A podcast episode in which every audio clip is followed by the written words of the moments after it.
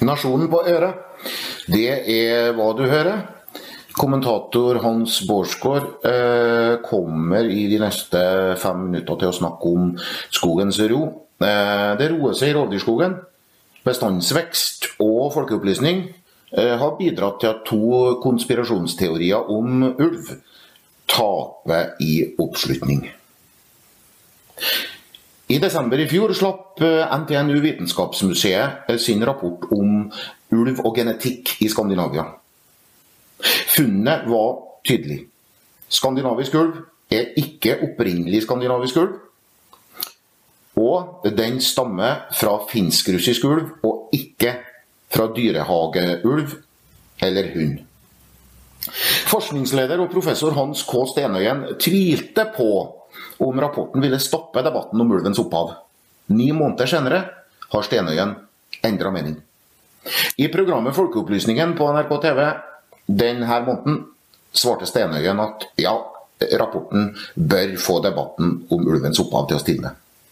Og det er den på vei til å gjøre.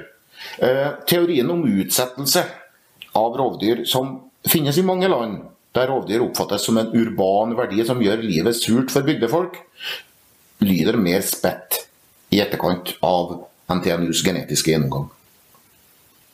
Også rovdyrenes venner har sin egen konspirasjonsteori om at nordiske regjeringer driver utryddelsespolitikk for våre store rovdyr.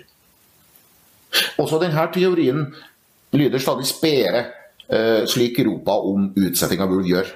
Årsaken er den samme kunnskap. Det er nå 540 ulv på den skandinaviske halvøya. Det har ikke vært flere ulv på århundrer. NRK-programleder Andreas Wahls besøk i ulveskogen munna ut i en nokså sober episode i serien Folkeopplysningen i forrige uke. Den var så sober at de vanlige advarslene og ropa om mainstream medias propaganda, eh, eller ulvehat, stort sett uteble i sosiale medier. Andreas Wahl bidrar til å avlive myten om at dagens bestandsmål for ulv er et maksimumsmål. Som Stortinget har vedtatt og presisert, er målet konkret. Det skal være fire til seks årlige ynglinger av ulv. Ikke flere enn seks. Ikke færre enn fire. Wahl lufta også ut myten om ulvens velsignelse for miljøet i Yellowstone i USA. En myte som naturromantikere som Georges Monbiot har pusha i tiår. Vi klarer oss i virkeligheten fint uten store rovdyr. Imidlertid har store rovdyr en egenverdi. Naturkrisa gjør at vi må gjøre to ting, sier Andreas Wahl. Ta vare på mer vill natur, og sørge for at trua arter overlever. Her begynner det å halte litt. For som professor Barbara Zimmermann sier i Wahls program, i Norge så forsøker vi ikke å holde oss unna påvirkning av såkalt vill natur. Det har vi aldri gjort. Tvert imot så har vi bygd, setra, slått, hogd, brent, drevet malm og stein, slik at vi ikke har særlig mye vill natur.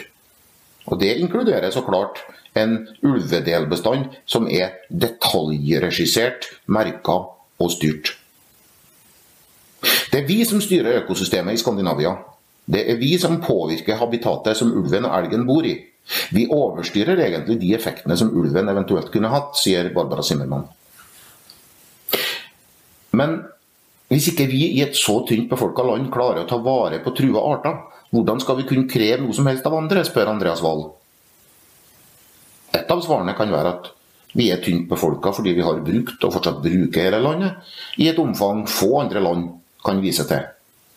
Et annet svar kan være at det er stor forskjell på å ta vare på globalt livskraftige arter, og arter som faktisk er trua av global utryddelse. Et tredje kan være, som vi har vært inne på, at Norge faktisk klarer å ta vare på ulven. Bestanden har vokst fra i praksis null på 70-tallet til 125-129 ulv sist vinter, før yngling. Bestanden har økt gjennom tiår med jakt og uttak av hundrevis av ulv. Norske og svenske myndigheter tillater ulvejakt simpelthen fordi det ikke truer bestandens overlevelse. Det har vært svært vanskelig å få til et samarbeid med svenskene om rovdyrforvaltning. Men i fjor klarte norsk og svensk forvaltning å bli enige om å ta ut rømskogflokken. som holdt til på begge sider av riksgrensa. Det her har rovviltnemnda i ulvesonen merka seg. Så i år ønsker de norske rovviltpolitikerne å ta ut fire grenserevir. Og de har fått sine svenske kollegaer med på å ta ut tre av dem. Kvoten på norsk side blir trolig påklaga som vanlig, slik at klima- og miljøminister Espen Barth Eide fra Arbeiderpartiet vil komme med sitt endelige vedtak om jakt innunder jul. Men et, et ferskt vedtak i Riksdagen på svensk side gjør det mindre sannsynlig at Barth Eide reduserer jakta i år. For i mai i år så vedtok det svenske Stortinget at den såkalte referanseverdien for ulv, altså minimumsantallet for ulv i Sverige, skal senkes fra 300 til 170. Rovviltnemndene i Norge og lensstyrelsene som har forvaltninga på svensk side, er allerede samsnakka om jakt på grenseflokker. Og enten så må det bli jakt på begge sider av grensa, eller ingen. Dersom Espen Barth Eide ønsker å stoppe jakta i vinter, så er han avhengig av at svenskene er enig.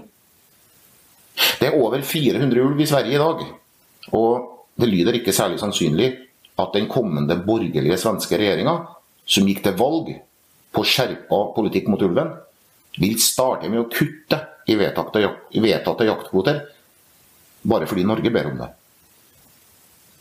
Men alle de argumentene her kan kalles for logos-argument. Når blodet flyter i rovdyrskogen, tar patos-argumentet over. Så det kan ligge an til en ny het ulvevinter i Skandinavia. Den får du sikkert høre mer om, også her i Nasjonen på øret. Inntil da så ønsker kommentator Hans Borsgaard en fin og skadefri høst. Vi høres snart igjen.